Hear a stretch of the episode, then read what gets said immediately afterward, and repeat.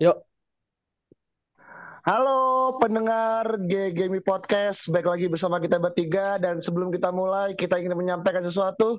champion. Campione, ole ole. Ole. Harusnya harusnya bukan hanya bukan hanya champion ya Pak, tapi doa buka puasa juga harusnya. Oh iya, bener bener bener ya.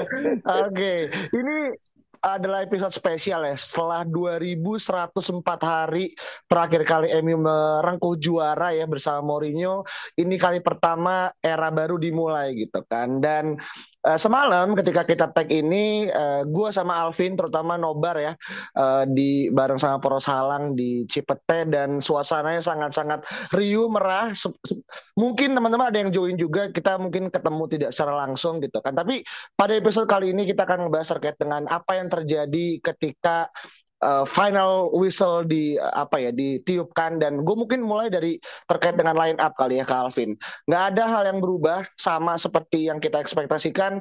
Paling Dalo yang akhirnya menggantikan Aaron Wan-Bissaka di babak awal. Lu apa yang akhirnya bisa disimpulkan Vin?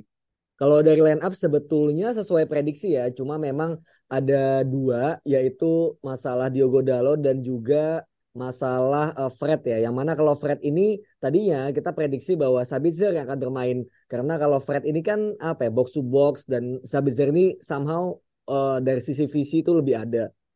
Kalau Dalot memang eh, pada akhirnya kita juga tahu gitu, Dalot dan Wan Bisaka ini akan saling bahu membahu akan saling menggantikan di satu pertandingan ini karena satu sisi kita tahu nih sayap kirinya Newcastle itu si Alang Maximal ini juga adalah pemain yang lincah. Tapi kita juga punya problem di mana kalau Wan bisa kayak main dari sisi visi memang agak kurang gitu. Jadi memang em gue memprediksi awalnya Wan Bisaka dulu kemudian Dalot tapi ternyata yang terjadi sebaliknya gitu. Jadi memang sebetulnya hanya utak-atiknya aja sih yang berbeda. Tapi sisanya menurut gue udah sesuai dengan prediksi. Oke, berarti emang sebenarnya apa yang kita diskusikan sebelumnya memang tepat ya. Dan kemarin sebenarnya kalau kita lihat di babak pertama, gue nggak tahu nih, eh, lu melihat seperti apa. Tapi dengan adanya dua gol yang datang dari satu set piece dan juga satu lagi adalah bisa dibilang apa ya, bangun serangan dari bawah ya, segala macam. Lu akan ngira skornya akan kita akan menang 2-0 di awal secara cepat, Ung?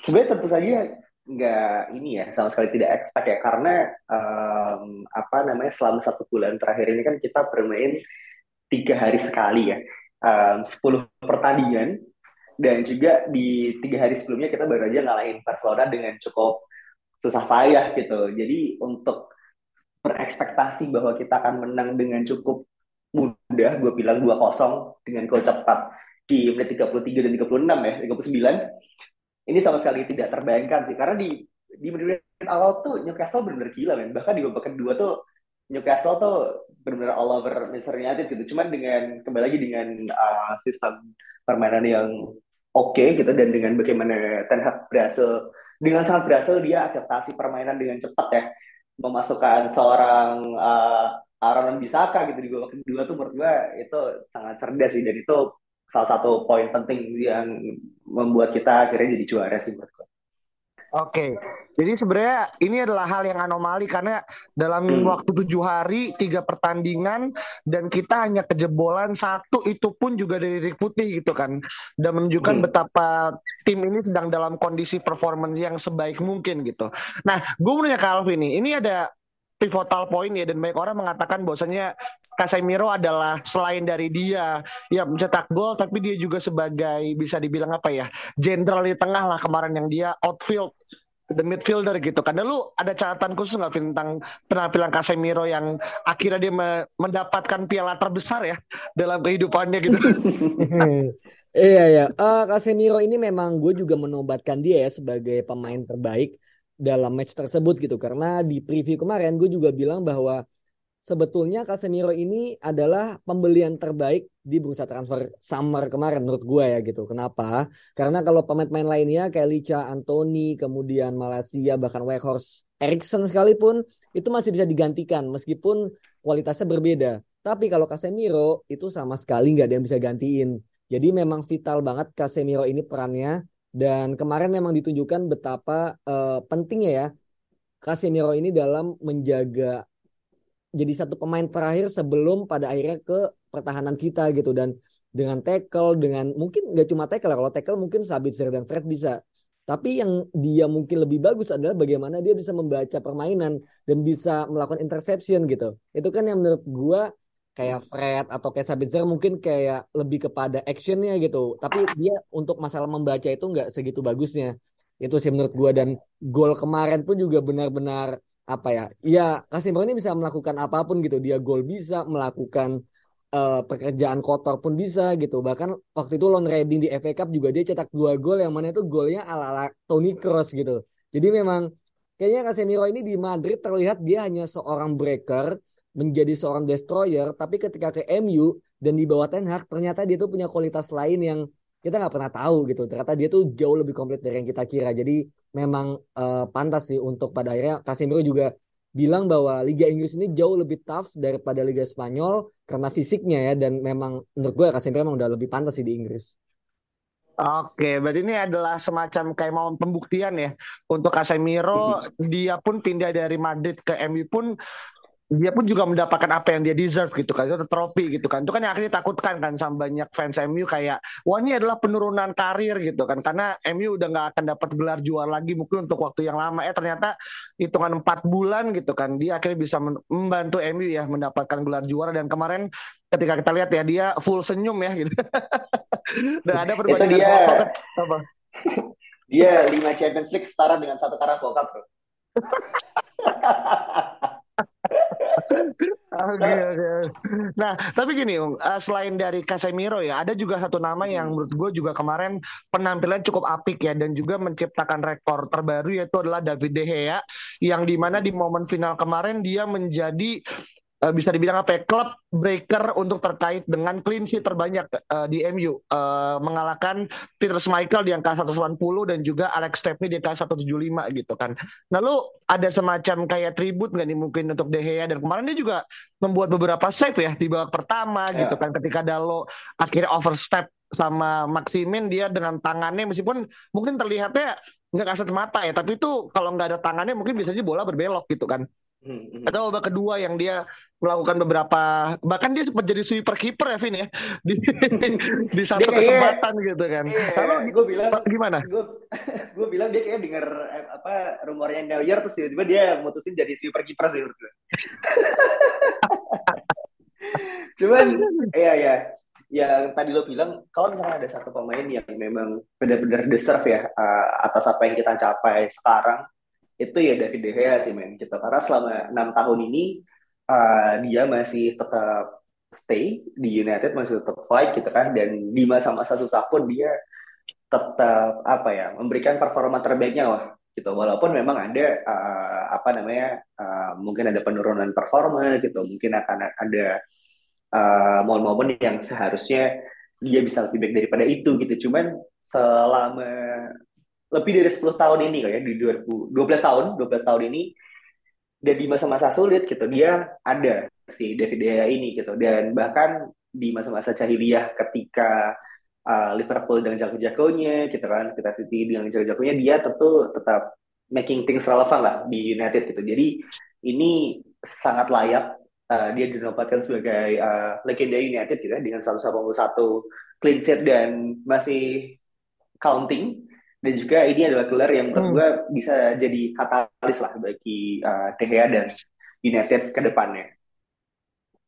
Hmm, oke. Okay. Jadi kasarnya quote unquote ya. Gue ngelihat ada beberapa pemain yang mungkin uh, blossoming ya di era Tenak. Selain mungkin yang pertama adalah uh, Rashford ya. Kedua mungkin kita bisa ngomong masalah nama-nama lain. Tapi gue cukup ngerasa satu hal yang akhirnya menjadi uh, kritik terbesar termasuk juga dari Alvin adalah kan De Gea tidak bisa menjadi ball distributor ketika akhirnya dia harus membangun serangan gitu kan. Dan semoga ya ini adalah uh, musim transisi ya selain dia akhirnya cetak rekor tapi juga bisa belajar tentang bagaimana akhirnya MU dengan era yang baru tuh memerlukan 11 pemain untuk sama-sama ngepres 11 pemain yang sama-sama bangun serangan gitu kan. Dan ini harapannya yang menjadi uh, milestone pertama lah. Selain dia juga udah berapa? Udah lebih dari lima tahun ya di MU gitu kan. Dan menurut gue ini satu hal yang perlu diapresiasi. Tapi ada satu nama juga nih yang banyak orang akhirnya mengeluh-ngeluhkan yaitu adalah Wood Wakehorse di usia yang udah menginjak ya? Iya, menginjak usia di 30, dia mendapatkan apa ya bisa dibilang ya trofi pertama lah. Dan dia kemarin ketika di post interview ya dia bahkan nggak bisa ngomong apa pun dan dia nangis dan memberikan uh, big gratitude kepada Ten Hag karena diberikan kesempatan mencicipi gelar pertama dia selama berkarir selama pemain sepak bola gitu karena lu ngelihat Weghorst kemarin meskipun diganti ya di babak kedua, apa yang bisa lu lihat dari kontribusi Weghorst sepanjang Piala Karabo dan terutama besok ketika kemarin di final, Vin? Ya tentu aja gitu. Profile Weghorst ini kan memang untuk pressing, untuk link up, dan sebetulnya memang striker tujuannya mencetak gol kan gitu. Cuma memang sepertinya Weghorst ini untuk urusan mencetak gol kalau di MU ya di era Ten Hag sekarang memang menjadi lebih kepada tugas Rashford gitu atau pemain-pemain lainnya. Dan Weghorst hmm. ini sifatnya lebih kepada tugas kotor, mengganggu build up kiper dan juga para back gitu yang mana mungkin kalau untuk para fans di luar sana ya bukan bukan fans kali ya maksudnya orang-orang yang cuma melihat sekilas aja melihat Weghorst ini adalah pembelian yang gagal gitu bahkan kita juga bisa ngeliat di Twitter Piers Morgan itu benar-benar bilang oh, Weghorst ini disaster lah dibandingkan dengan Ronaldo dan lain-lain gitu kayak ya udah dia dia emang cuma cari sensasi aja gitu kan memang hmm. ya banyak pemain-pemain yang mungkin kalau kita bandingkan dengan Ronaldo memang ya jelas kalah gitu secara individu. Cuma memang kalau misalnya kita melihat dengan sistem kebutuhan yang ada gitu ya, Weghorst ini bisa menjalankan peran itu gitu. Kayak lu nggak mesti cetak gol yang penting lu ganggu aja build upnya lawan. Cetak gol itu tugasnya pemain lain. Ada Rashford ada Casemiro gol bisa datang dari mana aja gitu. Cuma masalah peran menurut gua Weghorst ini nggak pernah mengecewakan satu kali pun menurut gua. Dan itu sangat deserve buat dia akhirnya bisa satu gelar di usia 30 ini. Bahkan ada foto di mana dia megangin piala Karabo itu kayak lagi ngeliatin anak bayi gitu loh yang yeah. anaknya baru lahir gitu. Jadi ya itu itu gue juga ngeliat kayak oh gini ya rasanya ya gitu kalau pertama kali itu ternyata sampai seemosional itu dan well deserved sih buat Weghorst. Hmm, iya tapi, betul. Hmm, gimana Ung? Dan, dan dia ini ya uh, satu gelar lebih banyak daripada Harry Kane selama di Inggris ya. nah. Cuma satu bulan lagi di unit. Iya iya iya iya iya. Oke, dan kalau kita ngelihat ya penampilan MU selain dari pemain per pemain nih yang mana menurut gue sih banyak catatan yang harus kita apresiasi dari mulai lini belakang, di tengah dan juga di depan. Tapi ada satu nama yang sebenarnya jangan sampai kita lewatkan itu adalah our main captain uh, Harry Maguire dan akhirnya setelah pembelian dia di tahun 2018 ya kalau gue nggak salah dia akhirnya bisa membantu MU mengangkat trofi pertamanya gitu kan. Dan gue juga sebenarnya agak kaget ya ketika Maguire tiba-tiba dimainkan gitu kan. Yang sebenarnya sebenarnya gitu. Kita emang tertekan tapi gue ngerasa kita cukup settle lah untuk akhirnya bisa uh, apa ya menerima gempuran dari Newcastle yang pemainnya pun juga udah baik diganti gitu kan. Kayak Maximin terus juga beberapa nama udah off gitu. Tapi melihat akhirnya Tenak ingin memberikan apresiasi kepada Maguire gitu dan pada saat prosesi pengangkatan piala kan ada klip yang akhirnya dia berbisikkan sama Maguire kalau misalnya eh sama Bruno yang kalau gimana kalau kita angkat bareng gitu kan untuk akhirnya uh, ya co-captain lah bisa dibilang gitu. Nah lu ngelihat Maguire sebagai cameo dan juga apa yang coba Ten Hag sampaikan sebagai approach kepada Maguire gimana Ung ngelihat ya Ung? Ya gue rasa dia tetap deserve ya sebagai kapten untuk apa namanya uh, mengangkat piala ini bersama-sama gitu dan terlebih selama dia uh, diturunkan gitu atau atau dicayangkan dia tidak pernah komplain tidak pernah uh, apa bikin ulah gitu di media atau di mana pun gitu. Dia selalu bilang bahwa uh, it's okay gue diturunkan dicadangkan karena apa yang tim capai itu yang yang gue mau gitu. Jadi memang memang dia secara uh, apa namanya secara tim dia sangat support gitu dan bahkan sebelum prosesi pengangkatan piala terlihat juga dia mengabaikan Blazers ya dan ini sih hmm. bagi gue dia udah cukup jadi seorang sosok legend sih sebenarnya bagi. United karena ya jadi kayak andai kata memang ini adalah mungkin musim terakhir dia di United gue rasa dia sudah cukup fulfill sih sebagai seorang kapten. Iya, dan banyak orang bilang lumayan lah portofolio buat dijual ya. Mm-mm, betul. Walaupun walaupun sebenarnya kalau misalkan memang dia mau stay di United gitu dan menerima uh, apa namanya takdirnya gitu misalkan memang harus sebagai backup dari Varane atau Lisandro Martinez gue rasa sih dia akan tetap jadi backup player yang sangat solid sih. Hmm, oke. Okay.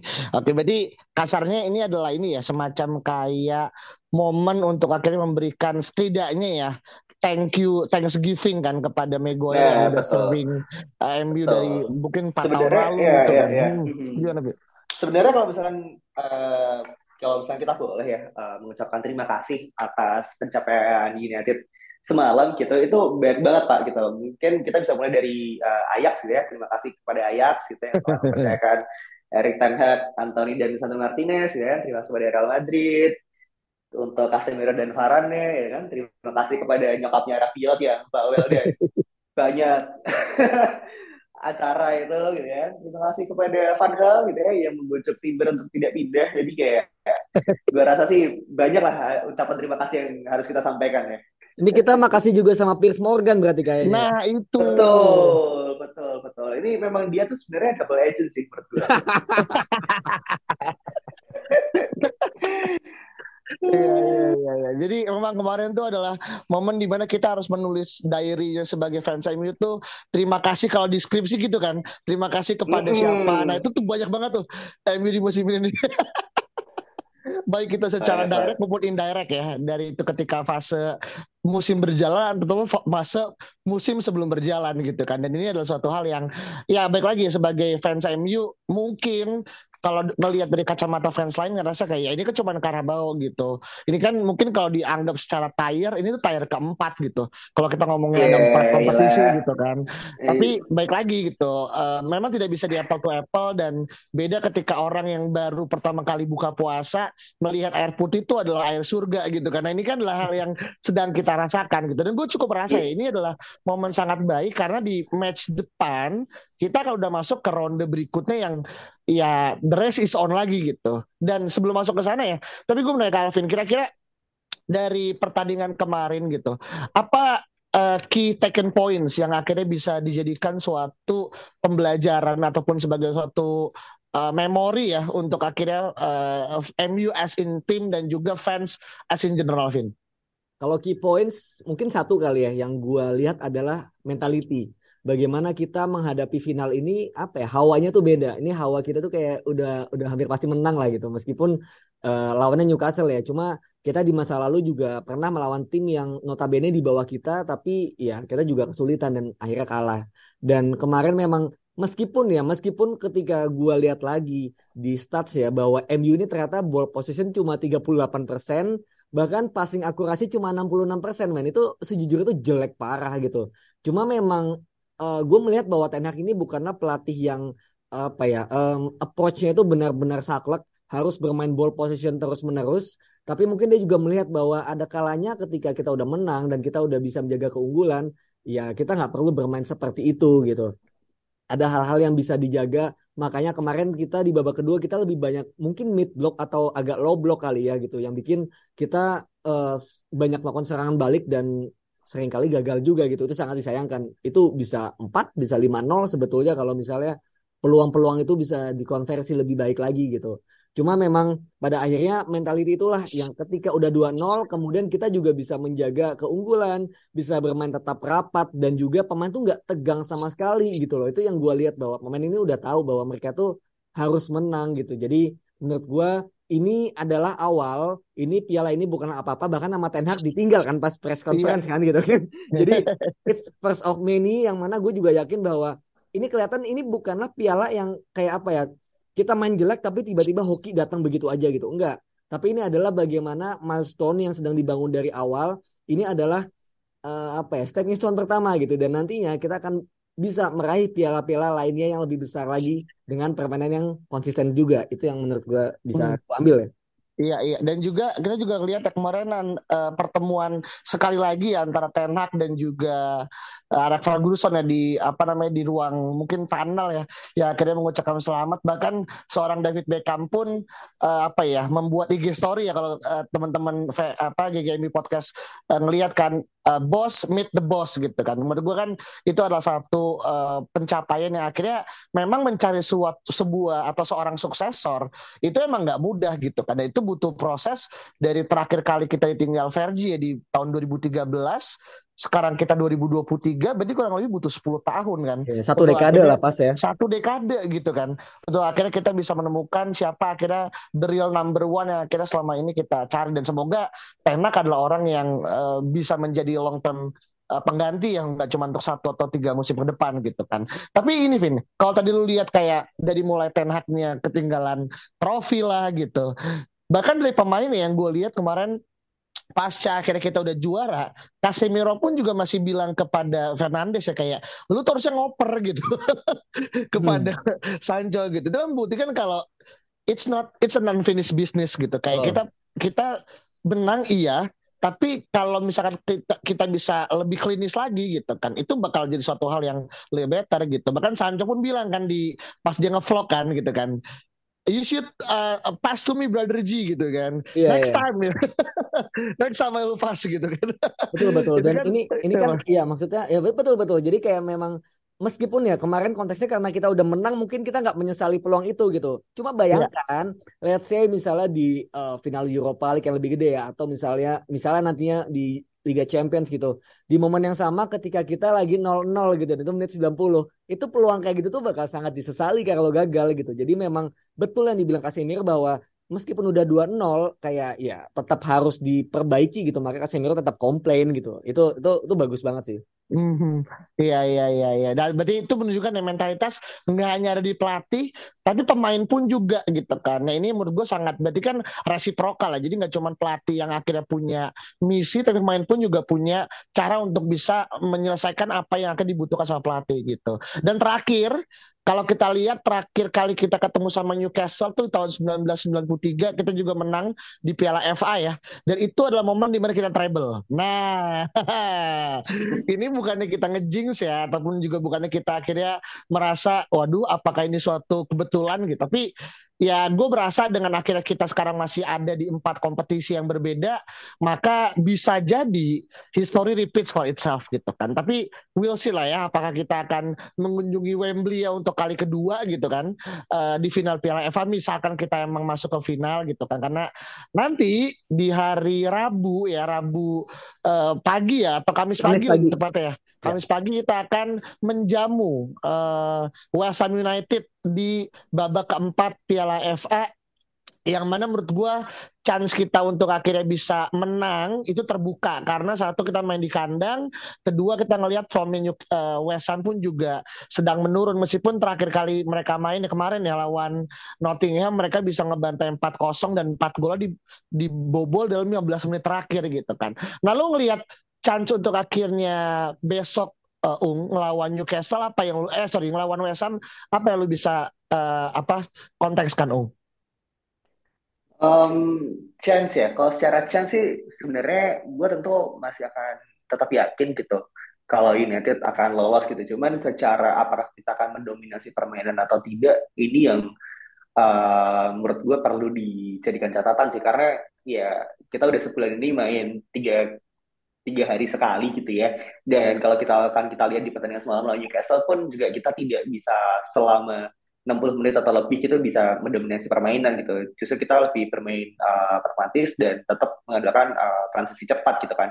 Jadi kalau misalkan memang um, apa namanya kita berharap bahwa kita akan tetap mendominasi permainan sih, gue rasa ini akan cukup sulit gitu dan secara overall squad pun gue rasa yang nantinya akan diturunkan justru pemain-pemain yang uh, apa ya mungkin butuh game time kali ya macam Carnejo maka macam Kalistri atau mungkin Kopi Mainu gitu yang mungkin bisa jadi pembeda sih untuk lawan West Ham besok gitu karena minggu hmm. depan setelahnya pun tiga hari setelahnya kita masih lawan Newcastle kan di Liverpool uh, Liverpool. Eh, Liverpool, sorry.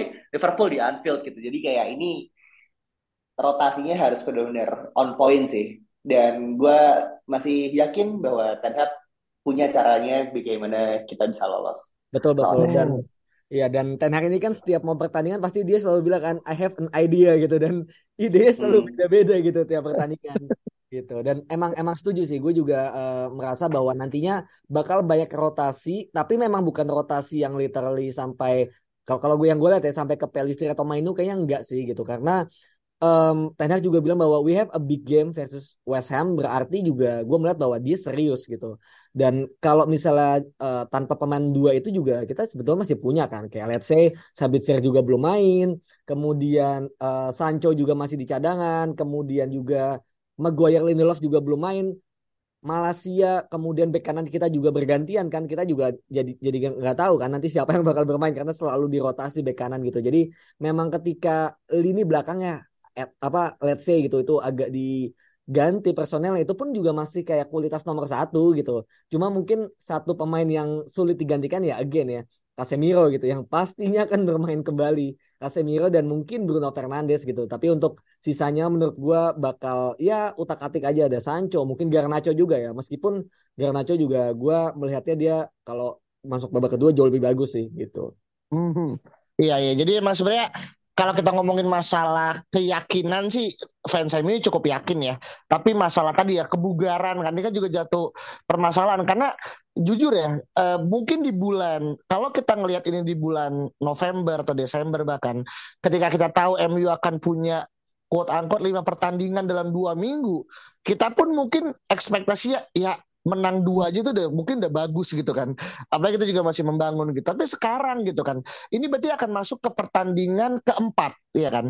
Tiga sebelumnya udah kita habisin dengan quote unquote positif ya karena kita juara karena kita menang ke los berikutnya gitu dan besok pun juga adalah another level of pembuktian dari Tenak apakah dia ingin seserius itu makanya tadi gue setuju gitu kan Mainu dan juga Garnacho mungkin akan dapat uh, tempat tapi mengingat lawannya juga West Ham ya ya notabene kalau kita bandingin sama uh, drawing-drawing di babak lima lainnya ya, hmm. yang mana mungkin City ketemu mungkin lawan yang nggak begitu berat, Tottenham juga gitu ya. Menurut gue ini emang jadwal MU sesuai aja gitu, ketemunya sama tim yang memang meskipun West Ham sekarang ada di peringkat degradasi ya, cuman tetap aja kan ketika lu bandingin Liga Inggris dan juga Liga Championship gitu, itu dua hal yang berbeda sih. Jadi ya, secara ya, ya. ini ya kan, ya gimana Ung, lu tambahan? Ya, uh, ya emang emang pada akhirnya gue juga melihat kayaknya ya Ten Hag ini memang serius gitu untuk setiap pertandingannya. Jadi uh, gue melihatnya bakal tetap full tim seperti tadi dan fokusnya bakal sama karena memang ya it's not done yet gitu menurut gue ya untuk musim ini. Jadi uh, kita bakal expect bahwa semuanya akan bermain dengan maksimal, bermain dengan penuh total dan iya menurut gue memang game by game ya untuk melawan Liverpool juga itu akan dipikirkan nanti. Mungkin ya beberapa pemain ya seperti Casemiro ketika nantinya udah menang ya itu adalah pemain yang harus ditarik gitu loh. Kita kan nggak mau lagi ya kayak menuju pertandingan penting pemain penting ini nih tiba-tiba harus absen karena kartu gitu. Casemiro kalau nggak salah beberapa match terakhir juga udah sering kena kartu kan gitu. Jadi ya gue khawatir aja nanti ada ada momen konyol lainnya gitu. Jadi Scott McTominay pun masih available sebetulnya untuk dimainkan gitu. Meskipun gue melihatnya ya Scott udah bukan DM lagi tapi lebih kepada perusak ya di mungkin nomor 10 atau di sisi penyerang gitu sih. Oke, dan ini berarti lebih kepada akhirnya kita akan melihat bagaimana Tenak akan meracik ya, sebagaimana quote let him cook nih akan kita lihat resep apa nih akan muncul di Kamis pagi gitu kan. Dan kalau kita ngelihat Evin ya, di lima pertandingan terakhir MU melawan West Ham gitu, kita empat kali menang, cuma satu kali kalah dan pertemuan di bulan Oktober 2022 kita berhasil menang gitu kan. Jadi kalau kita ngomongin masalah head to head, pasukan Mo, pasukan Moyes masih sedikit lah levelnya di bawah dari uh, eh, MU gitu. Karena ini gue baca ya uh, pada saat pertandingan kemarin melawan siapa namanya Nottingham itu ada beberapa pemain yang akhirnya cedera gitu dan akhirnya digantikan. Dan gue nggak tahu apakah ini belum ada keterangan resmi ya dari West Ham akan uh, apakah dia bisa main apa enggak tapi beberapa nama gitu kan. Meskipun nama-nama kayak striker siapa tuh namanya? Uh, uh, Antonio. Antonio masih bisa main gitu kan. Dan beberapa Ings juga bisa gitu. Tapi well uh, ini lebih kepada masalah jam terbang gitu kan. Dan kalau misalkan mungkin ini pertanyaan yang retorik ya. Kalau lu ngelihat akhirnya kita main besok di Old Trafford gitu kan apa yang mungkin akhirnya bisa terjadi sebagai kejutan dan mungkin siapa pemain yang akhirnya bisa kita waspadai dari sudut pandang West Ham yang mungkin akan menjadi titik lemah untuk MU yang akhirnya bisa ngebuat MU terjengkal. Wah, sebenarnya gue West Ham juga udah nggak merhatiin ya, jadi gue nggak tahu siapa pemainnya. Mungkin ya, ya gampang sih namanya Declan Rice gitu. Adalah pemain yang kalau misalnya diturunkan itu menurut gue bakal menjadi mungkin salah satu batu sandungan ya. Karena kemarin dia juga bisa cetak gol dan kita juga tahu bagaimana kualitas dia dalam berpatroli di lini tengah West Ham gitu. Kita di Old Trafford kemarin kita juga cuma menang 1-0 dan banyak momen di mana David De Gea harus ya berjibaku menyelamatkan gawang MU gitu. Jadinya memang ini tuh nggak akan menjadi pertandingan yang mudah. Cuma memang uh, kita akan tetap menurunkan tim tim apa ya? Mungkin tim pelapis tapi yang sebetulnya kualitasnya masih nggak beda jauh gitu sih. Jadi bukanlah pertandingan yang harus diremehkan dan gue juga baru baca bahwa MU ini akan langsung latihan di Senin hari ini gitu. Jadi benar-benar gak ada istirahat. Kemarin memang perayaannya jam 10 uh, eh, sampai jam 9 malam ya kayaknya. Karena jam 10 flight pulang Senin langsung latihan lagi sama Selasa Rabu langsung pertandingan lagi gitu jadi memang Ten Hag ini mentalitinya memang juara dan ya menurut gua harus disikapi dengan serius ya satu persatu. Mm -hmm. Ya ini kan ada suatu hal yang makanya dibilang kan kemarin kita nggak akan pakai bus bus parade ya. Uh, parade bus gitu kan. Satu memang mungkin dianggap terlalu overreacting. Yang kedua kayak ketika lo ada parade bus gitu kan. Gue nggak tahu parade busnya akan dilakukan kapan tapi assuming misalkan pasca dari match itu mepet banget gitu dengan jadwal MU yang sangat-sangat tight gitu kan. Dan mungkin karena juga sadar ya gue nggak pengen membuat pemain itu besar kepala gitu kan. Ya, ya. cuma dengan satu trofi gitu. Dan dia menurut gue sih men, apa ya menginjek suatu mentalitas yang udah lama hilang gitu. Makanya dibilang kayak it's okay for a beer gitu kan dibilang kan untuk 24 jam tapi setelah itu ya udah kita balik lagi ke apa on the grass gitu. Jadi yeah, ini yeah. adalah suatu hal yang jadi sangat penting gitu kan. Nah, ini adalah momen yang akan menjadi uh, ini ya. Karena gue cukup yakin kalau ini kita bisa menang lagi gitu kan. Um, kita nggak tahu akan ketemu siapa ya di babak ke-6 ya. Tapi semoga ya, semoga kita dikasih napas ya. Untuk akhirnya uh, tidak ketemu dengan lawan-lawan yang uh, di atas kertas levelnya mungkin di atas kita kayak City atau mungkin uh, yang setara gitu kan. Gue pengen kita ketemu yang let's see siapa pun yang menang antara pemain uh, tim-tim yang uh, ketemu yang di bawah MU ya udah dia aja lah gitu. Biar di bulan Maret pun kita juga lebih napas. Karena kita juga masih punya uh, ini kan kemarin kita babak ke, masuk ke 8 besar gitu kan. Jadi uh, ada hal yang akhirnya perlu diprioritaskan dan Eva tetap menjadi satu hal yang akan buat kita masuk ke Wembley sekali lagi. Dan kalau kita misalkan menang di FA chance kita dan memang udah pasti kita akan masuk ke Community Shield di musim depan gitu. Kan ya, kan ya. ya kan pertemuan antara Piala FA dan juga juara Liga Inggris gitu. Syukur-syukur dua-duanya di DMU tapi well masih panjang perjalanan kalau Liga Inggris gitu kan. Nah itu aja mungkin ya pembahasan mengenai Uh, kemenangan kita setelah puasa gelar 6 tahun 2104 hari. Dan juga kita ingin mencoba meraih gelar kedua dalam hitungan bulan ya. Karena kalau nggak salah final Piala FA itu akan dilakukan di bulan April ya. Um, April atau uh, Mei? Mei, Mei akhir oh, Mei, atau Mei, ya, Mei, ya, akhir, sorry, ya. di bulan Mei gitu kan. Jadi uh, tiga bulan lagi uh, three months to go dan kita semoga booking satu tiket. Kalau misalkan menggunakan analoginya siapa namanya? Jurgen Klopp ya. Where's the final? Gitu kan. Istanbul. Book the book the hotel now gitu kan. Ini juga mungkin juga sama ya. Meskipun yeah, yeah. terlalu jadi apa namanya dan gue ya gue yakin lah petenak juga nggak akan sebom apa ya dia mungkin banyak orang bilang dia arogan dengan beberapa statement tapi gue nggak ngerasa dia akan mengatakan hal serupa ya meskipun chance akan tetap ada gitu. Itu aja paling teman-teman terkait dengan penjelasan kita. Kalau ada yang mungkin nggak setuju atau mungkin punya pendapat berbeda silahkan reply di Twitter kita dan jangan lupa untuk tetap follow dan juga kasih bintang 5 di Spotify. Kita ketemu lagi besok. Bye bye. Oke. Okay.